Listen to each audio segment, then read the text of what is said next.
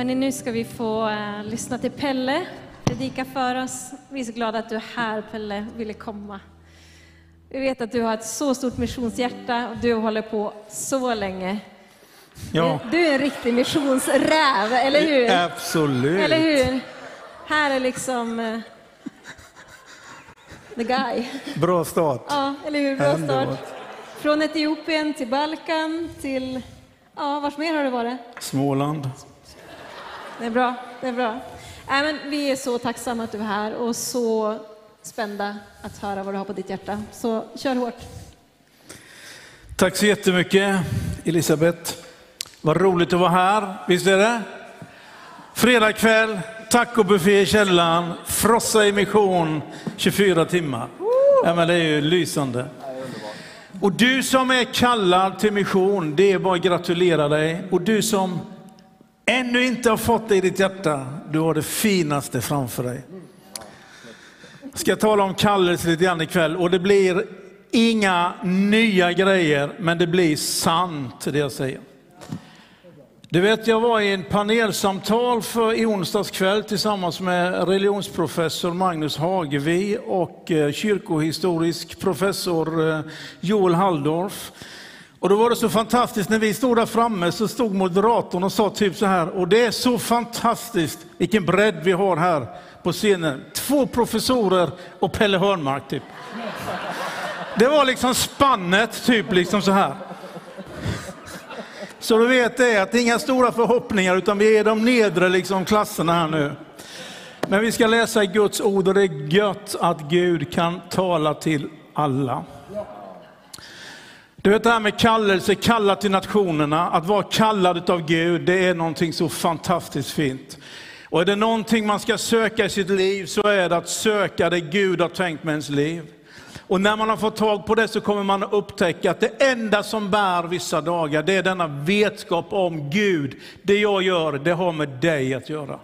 Det är inte bara människor. Och Paulus han säger i Galaterbrevet att han säger att jag är Paulus, jag är apostel, jag är utsänd, inte av människor, inte från människor, utan genom Gud, han som uppväckte Jesus Kristus från de döda. Det är som att han behöver påminna sig själv om detta. Jag gör inte detta bara för att ni tycker det är bra, eller jag ens att jag själv tycker det är bra, utan jag gör det för att Gud har tänkt något med mitt liv.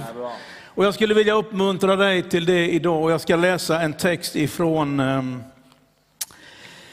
eh, Andra Timoteus brev. Alltså det är ju besvärligt. De flyttar ju på Hebreerbrevet med ena mellanrum. Vet du. Nu är det ett tag sedan, men eh, det är ju som Elisabeth sa, att jag är en gammal räv, så att jag har hunnit med åtminstone tre översättningar.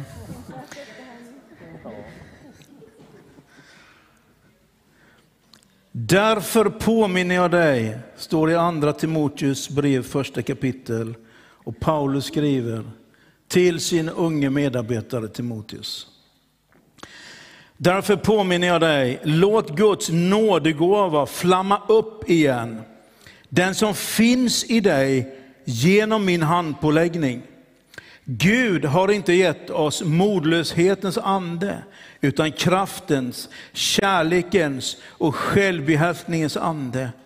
Skäms alltså inte för vittnesbördet om vår Herre och inte heller för mig som är hans fånge, utan bär också du ditt lidande för evangeliet genom Guds kraft. Låt denna nådegåva flamma upp. Jag tänker att ska vi lyckas med detta uppdrag att nå Sverige med evangelium, nå världen med evangelium, så kommer det till slut att handla om enskilda människor som på något vis får tag på andens kraft och säger ja till det, det som brinner på insidan i deras liv. Jag uppfattar när jag läser Apostlagärningarnas fjärde kapitel om den första kristna församlingen, att de delade allt, de var ett hjärta och en själ. Men så är det som att Lukas som skriver detta, han kommer på på slutet, han måste skriva att detta var inget självspelande piano, utan där fanns en som hette Josef, en levit från Cypern, som ägde en åker. Det är som att till slut behöver han påminna oss om att ska det bli så bra som det står, då kommer det handla om enskilda människor som är med och överlåter sig till någonting. Och det är det kallelse handlar om. Och jag har bett till Gud att han skulle förnya mig, han skulle förnya dig och han skulle ge oss någonting mer i våra liv. Låt Guds nådegåva flamma upp igen, den som finns i dig genom min handpåläggning. Jag vet inte vad Gud har sagt till dig och jag vet inte vad du har gjort med det. Det är som att Timoteus, han är lite bekymrad. När vi läser om Timoteus så får man en känsla av att han har lite ont i magen. Liksom. Han är lite orolig för att de tycker att han är för ung. Han vet inte riktigt var han ska ta vägen och han jämför sig med andra. Och det är liksom lite allmän oordning och så vidare. Och då är det så skönt att Paulus som varit med förr, som var på riktigt en riktigt ärrad missionär i dess rätta bemärkelse. Han säger till honom, inte några terapeutiska råd. Läs på detta, gör detta, försök liksom sätta dig ner, ta det lite lugnt, liksom, ta lite extra. Det han säger det är helt genuint. Blås liv i den nådegåva som anden har gett dig. Och du som håller på att tröttna, vet du, det finns en massa saker man kan säga till dig. En massa goda råd och fina retriter att åka på. Men mest av allt behöver du blåsa liv i det som Gud har tänkt med ditt liv och den heliga andes verk i ditt liv. Och därför ber jag till Gud att den här kvällen skulle få vara en sån kväll, att du som någonstans kommer ihåg i någonting, för att Paulus som säger till Timoteus, det som finns i dig, det vill säga att det som har brunnit och det som varit levande, det som varit Guds kallelse som du kanske har tappat bort längs vägen. Du ska veta att det finns i dig, det har inte försvunnit, utan det bor där. Och det går att blåsa liv i det. Så jag ber till Gud att vi skulle få möta Jesus Kristus den här kvällen, få tag på ännu mer av den heliga Ande. Och du som ännu inte har varit med om det.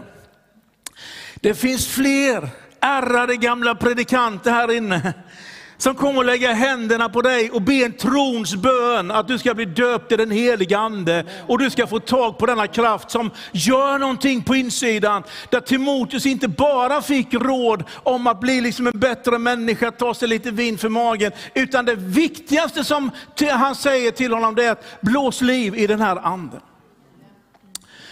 Och jag tänker också att det är också en bra påminnelse för dig som är lite då gammal i gården, för att inte använda gammal ärrad predikant en gång till, så att ni tänker på det varje gång ni ser mig, utan vi kan lämna det uttrycket nu för ett ögonblick. Men du vet, Paulus, han sitter själv i fängelse. Och läser du lite längre ner i det första kapitlet så ser du att dessutom så känner att alla i mindre Asien har övergett mig. Det är bara Onesiforos som är trogen. Resten de har skärpat, de har lämnat mig. Han sitter i finkan, alla har övergett honom. Men han är inte upptagen med sina egna bekymmer, utan det är bara en sak som finns i hans huvud. Och det är att se till att denna unga Timoteus får tag på kraften i sitt liv och att han kan fortsätta. Han visste att jag sitter i fängelset, jag kommer ingenstans. Men Timoteus han är där ute och är med och laddar på för honom. Du vet, det är för många av oss som sitter och hänger läpp och tycker synd om oss själva. Det är för många ärrade gamla predikanter och missionärer som tycker att ingen bryr sig om oss längre. Ingen tänker på vem vi är. Vi kanske inte är i fängelse, men vi är helt upptagna med det som vi själva är och det vi lever i. Gud må hjälpa dig och mig att vi också vaknar till liv, hittar en Timoteus, lägger händerna på någon, blåser liv i någon andlig nådegåva och är med och gör det. För jag är övertygad om, ska vi få missionsväckelse på nytt i vårt land, då kommer det att handla om strategi, men det kommer framför allt att handla om att det finns enskilda människor som som får tag på detta, känner kallelsen ifrån Gud. För att min erfarenhet det är att lönen, arbetstiderna inte är tillräckligt bra. man behöver detta med Guds kallelse för att göra det han har sagt. Säkerheten, pensionsavsättningarna, de är inte bra nog för att driva dig igenom livet, att vara med och vittna, predika evangelium, oavsett om det är hemma eller om det är borta. Utan det som funkar, det är denna övertygelse som Paulus påminner Timoteus, kom ihåg det som ligger i dig. Blås liv i den nådegåvan så det händer någonting Timoteus i ditt liv. Vad har anden gjort då? Anden har gjort tre bra grejer. Anden, den ger dig kraft, den ger dig kärlek och den ger dig självbesinning. Självbesinning, sunt förnuft typ, common sense. Att fatta liksom att det inte bara är att springa, springa, springa, utan också faktiskt använda tanken. Och det grekiska ordet handlar om detta. Du får också tänka, vet du. Du behöver inte bara leva i ett karismatiskt sus i ditt liv, utan man kan få fundera, reflektera, bygga grejer. Men man ska också veta att det är andens kraft. Det är inte bara vår egen förmåga, utan det är någonting annat. Men det finns också en sak som anden inte ger dig och det är missmod. Eller det nästan alla andra översättningar i världen säger rädsla, fruktan. Det gör inte anden. Din rädsla för vad människor ska tycka och tänka, det kommer inte från anden. Din rädsla vad tidningarna ska skriva, det kommer inte från anden. Din fruktan över att det inte ska ordna sig, det kommer inte från anden. Alla grejer som du är rädd och bekymrad för, det kommer inte från anden. För det har han inte gett oss, han har gett oss någonting annat. Kraften, kärleken. Det är underbart. Så ibland när jag är rädd och bekymrad, då vet jag att det är jag. Men det är inte anden som gör det i mig. Jag tänker, vad ska alla andra tycka och tänka? När jag tänker liksom, duger jag? Är det bra nog? När jag kommer i mina egna självtvivel, när jag tänker saker om mig själv som jag kanske inte borde tänka.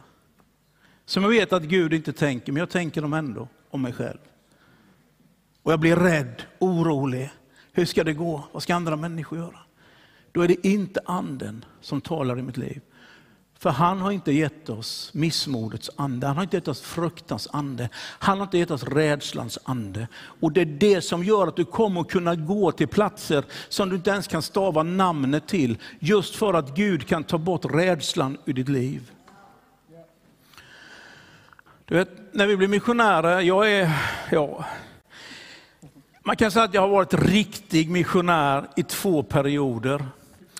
Och I den församlingen som jag var i då, var av en före detta ordförande, den församlingen sitter jag inne idag, så var det så att två perioder då var man inte riktig missionär. Då får man inte komma på missionärsträffarna, utan då var man fortfarande lite månskensbonde typ i det verket. Utan man var tvungen till åtminstone tre riktiga perioder för att bli riktig missionär.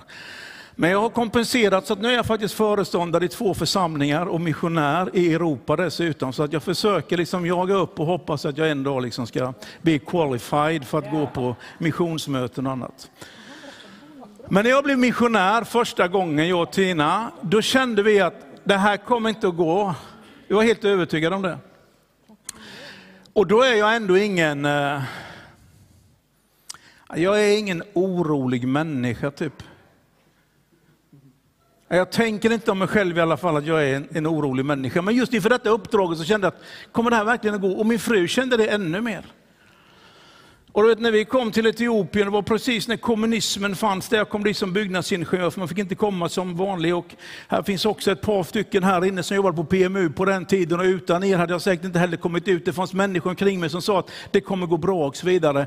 Men jag vet liksom att den här fruktan och rädslan, hur kommer det gå, hur kommer det att bli, hur kommer det att funka, allt det fanns.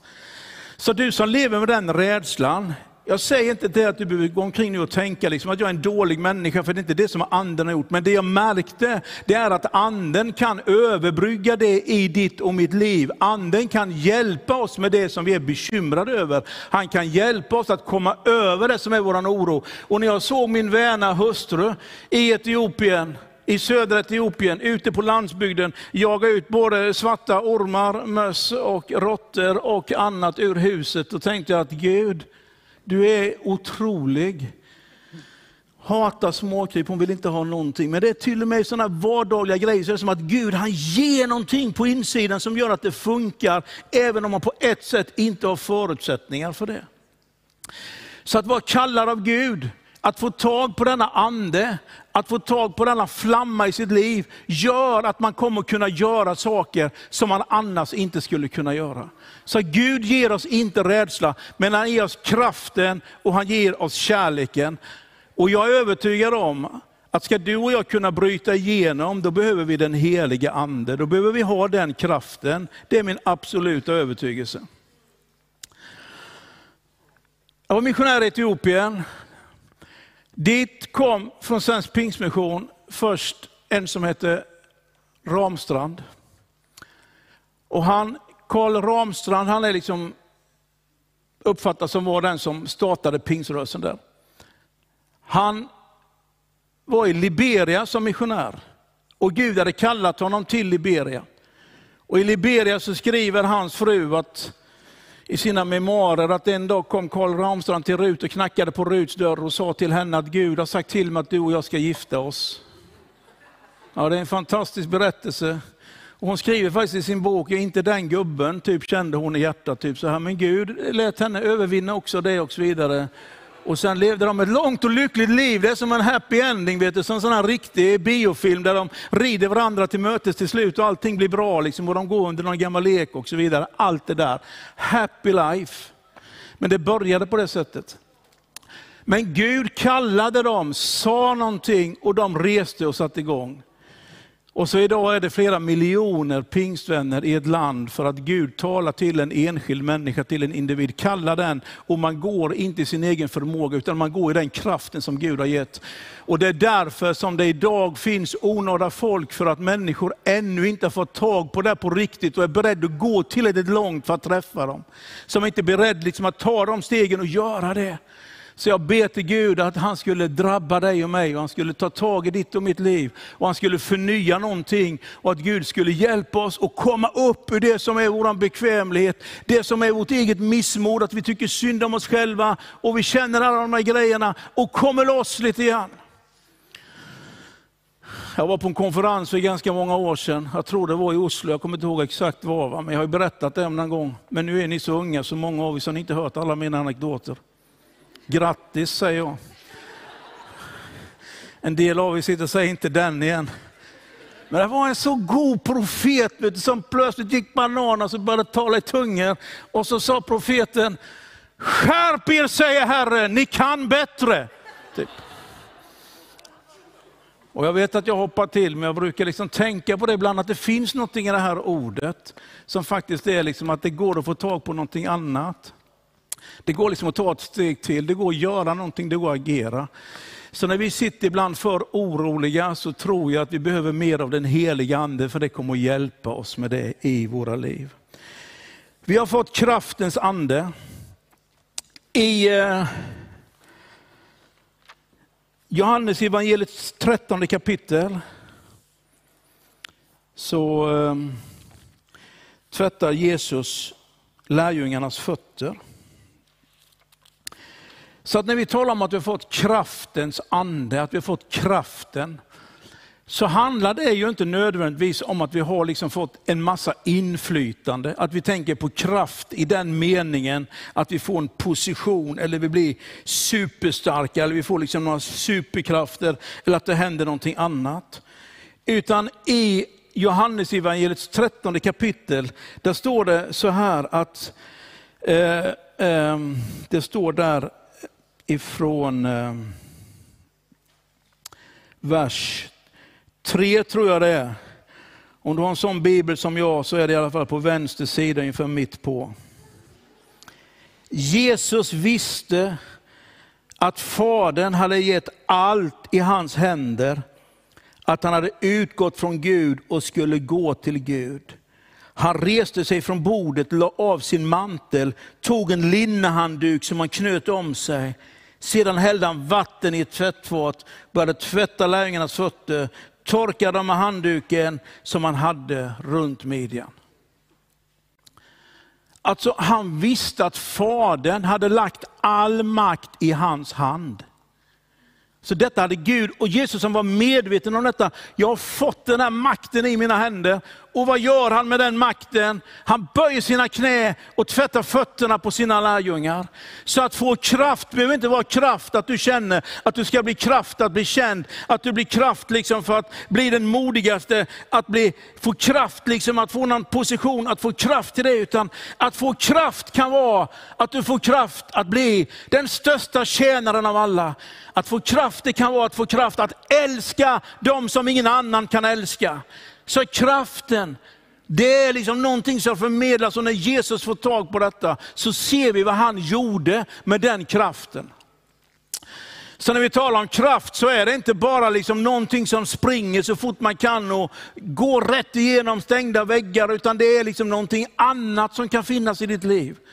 Men du ska veta att när den heliga ande kommer över dig, när du blåser liv i den nådegåvan, i det som Gud kallar dig till, så kommer han att ge dig mod att göra det han har tänkt med ditt liv. Om du drömmer om, vad har vi han pannkaksgeneralen som blivit känd i hela Sverige nu, trummisen, var är du någonstans? Ställ dig upp, en stor applåd.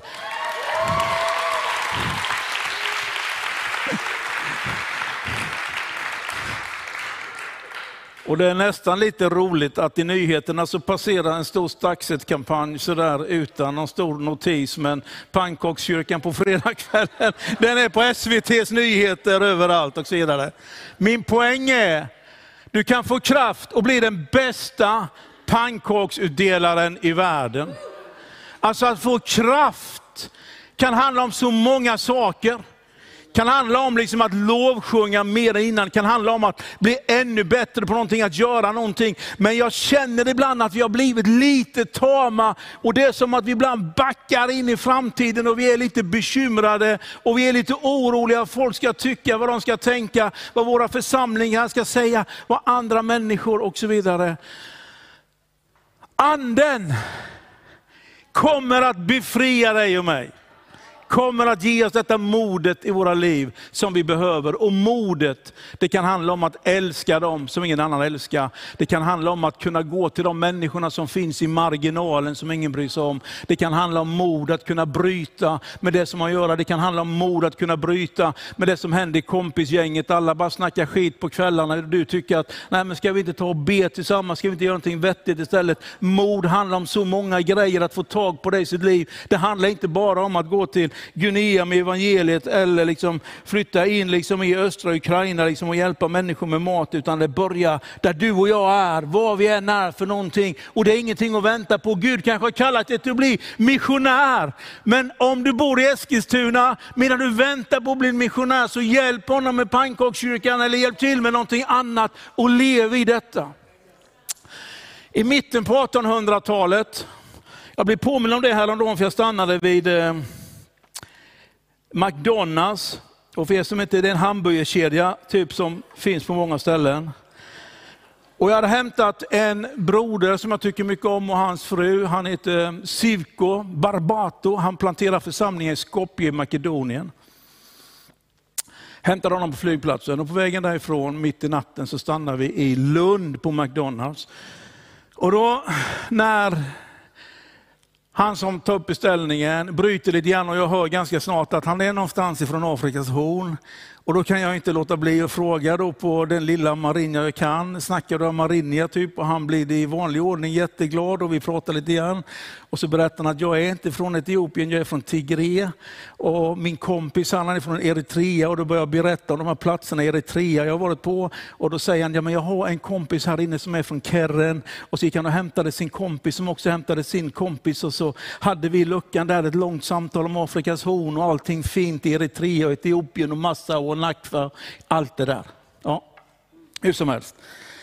Det påminner mig om det som hände i Eritrea. För det som är så intressant, när EFS började skicka sina missionärer, de här jämtlänningarna, Englund och Hedin och de hette för någonting.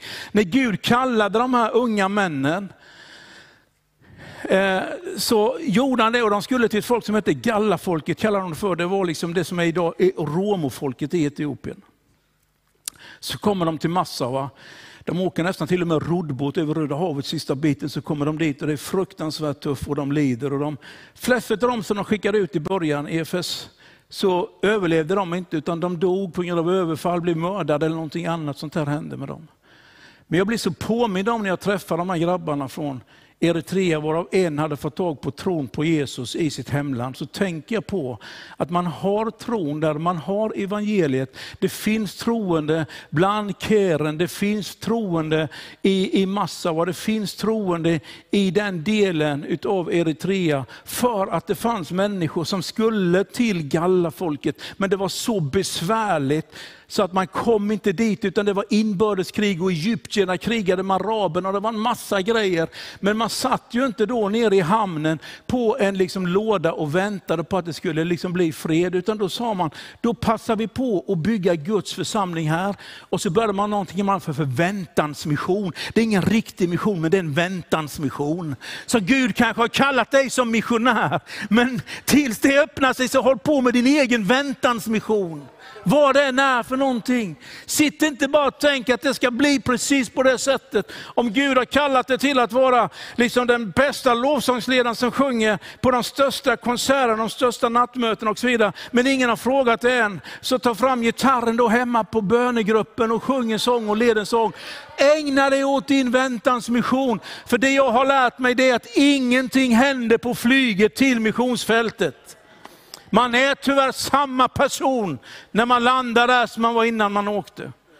Så att du ännu inte har det, så lev i det som Gud har gett dig. Där du finns just nu, använd det har Gud kallat dig till att göra mission, att vara missionär. Så håll inte på och vänta. Sitt inte och tänk på att ingen har sett dina gåvor, ingen dörr har öppnat sig. Utan bara kör där du står. Gör vad du kan med ditt liv för människor där de är. I, eh, hur länge får man predika i Eskilstuna? Till man är färdig. Andreas, tack så jättemycket. Vi är glada. Ja, ja det är bra. Kom igen. Andra krönikebokens femtonde kapitel. Där står det så här att Guds ande kom över Asarja, Odeds son. Och han gick ut mot Asa och sa till honom, hör du Asa och ni hela Juda och Benjamin, Herren är med er när ni är med honom, och om ni söker honom så låter han sig finnas av er. Det är som att Guds ande kommer över en profet och så går han ut till kungen Asa och Asa har precis vunnit en stor seger och är en kung liksom som har mycket makt. Men så kommer då profeten och säger att det är någonting som behöver ske, och så får han börja ta tag i grejer. Profeten säger så här i vers 7 och vers 8 kan vi läsa, men var nu starka och låt inte modet falla, för att arbetet ska få sin lön. När Asa hörde dessa ord och denna profetia av profeten Oded, då tog han mod till sig och avlägsnade de eländiga avgudabilderna bilderna ur Juda och Benjamins hela land och de städer som han hade erövrat i Efraims bergsbygd. Han upprättade på nytt Herrens altare, det som stod utanför Herrens förhus. Det är det som händer när man blir uppfylld av Guds ande. Det är att Gud säger någonting och man kan gå till någon kung, eller man kan gå till någon makthavare, eller man kan gå till någon annan människa med ett budskap. Och Asa som själv var liksom, hade mycket makt och hade mycket inflytande, det är som att han behövde det. Han levde liksom bland ett folk som hade en massa avgudar, som hade glömt bort vem Gud var. Men plötsligt så kommer en profet liksom och knackar på hans dörr och säger, inte skärp dig står det inte, men det är typ budskapet. Gör nu någonting åt detta. Herren ska vara med dig, han ska ge dig mod. Och då står det när Asa, kungen, hörde de här orden och denna profetia av profeten ordet, då tog han mod till sig och avlägsnade detta.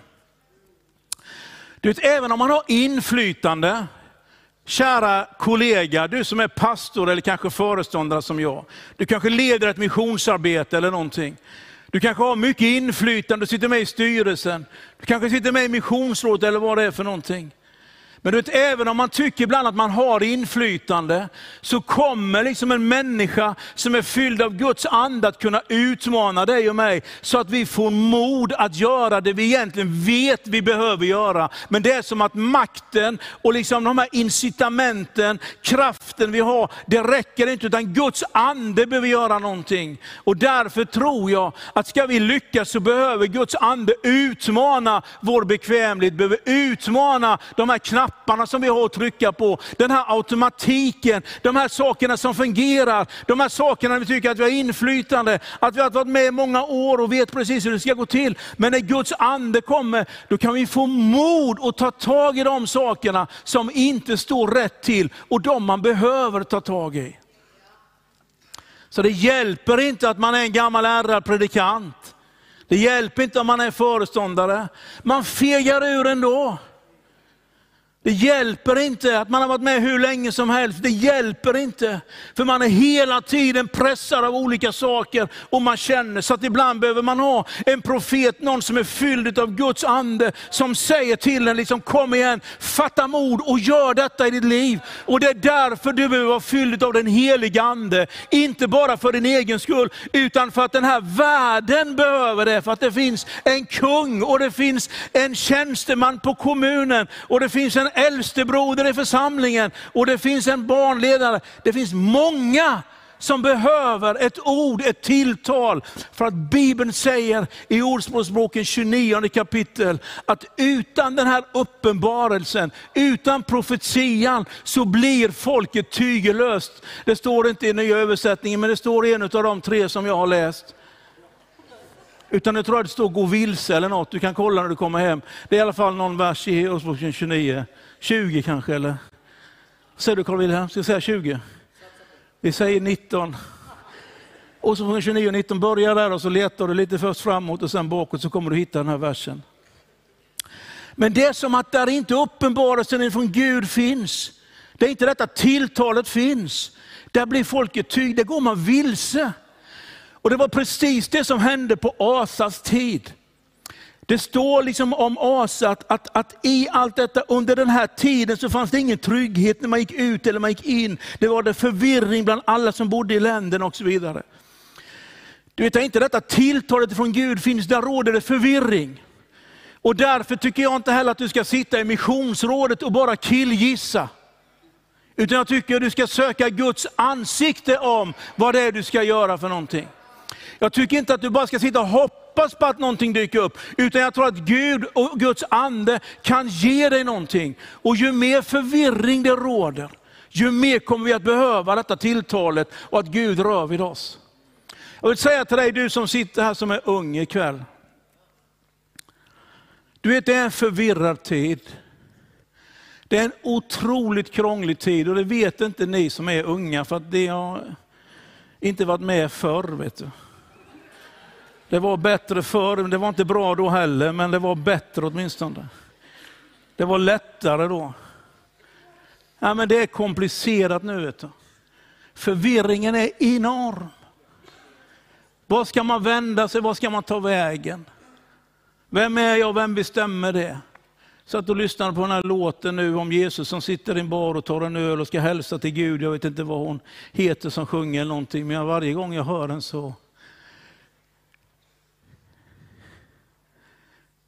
Tänk att förvirringen är så stor. Och människor ropar efter någon vägledning. Och då är det så skönt att det finns en som sa att jag är vägen och sanningen och livet. Men min erfarenhet är att det krävs mod att säga det, att leva det, att få finnas i det. Men jag tror att Guds tilltal och när Guds ande flammar upp i våra liv, då kommer också förvirringen att lägga sig. För det kommer att finnas en vägledning, det kommer att finnas ett ord, det kommer att finnas en uppenbarelse, det kommer att finnas någonting att följa. Det kommer inte bara vara ett famlande i ett mörkt rum, utan det finns någonting att få tag på i detta. Och det är därför vi behöver liksom väcka liv i denna ande i vårt liv.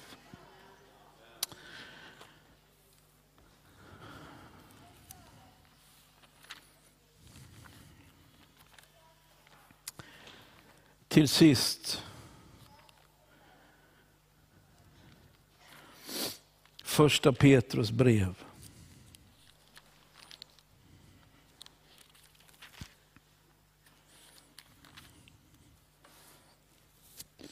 Där säger Petrus så här. I den trettonde versen. Spänn därför bältet om livet, var vakna och hoppas helt och fullt på den nåd ni ska få när Herren Jesus Kristus uppenbarar sig.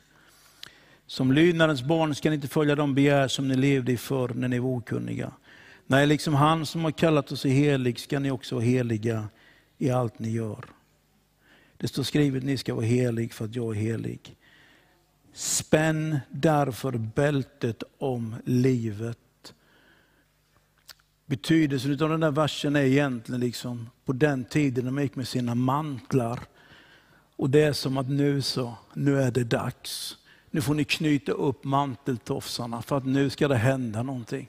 Nu är det dags att röra på sig. Liksom. Spänn fast det här bältet. Och skulle man då ha använt ett svenskt uttryck för det, som jag att nu är det dags att kavla upp armarna. Typ. Nu gjorde jag det som en jag säga, profetisk handling innan, det var inte bara därför. utan Men att rulla upp, kavla upp armarna, att få tag på de här sakerna, att leva i detta. Att veta liksom att det är någonting att ta tag i, det är någonting att göra. Och Gud har inte gett oss rädslans ande, han har inte gett oss modlöshetens ande. Han har gett oss kraften och kärleken och självbesinningens ande. Så därför tänkte jag nu att vi ska be tillsammans och vi ska be för den som ehm,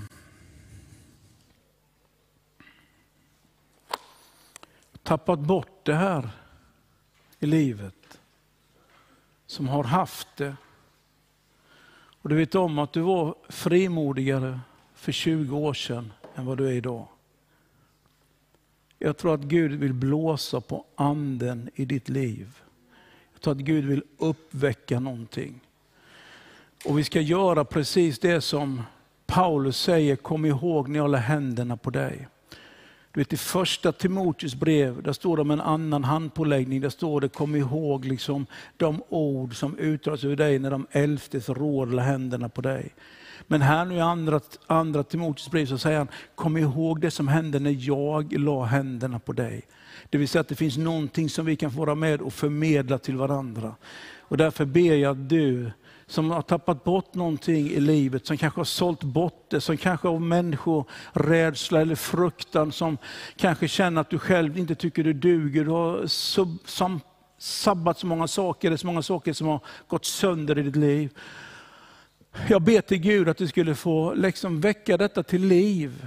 Inte bara för din egen skull, utan för den här världens skull. För alla förlorade människors skull. För alla som behöver evangeliet, de som finns nära och de som finns långt borta. Den ande som kan hjälpa oss med kärleken, som kan hjälpa oss att älska dem som vi på ett sätt inte tycker är värda det. Den kärleken som kan älska sönder både segregation och annat i våra samhällen. Den kärleken som kommer att hjälpa oss att nå ända till de marginaliserade människorna. Den kärleken som kommer att hjälpa oss att gå till jordens yttersta gräns. Den kärleken som driver oss framåt. Den kommer ifrån den helige Ande. Och du som känner att du har alldeles för mycket kraft i ditt liv, så ska vi också be om självbesinning i ditt liv. Om du mot all förmodan känner här att du drar på för hårt, då ska vi lägga händerna på dig också.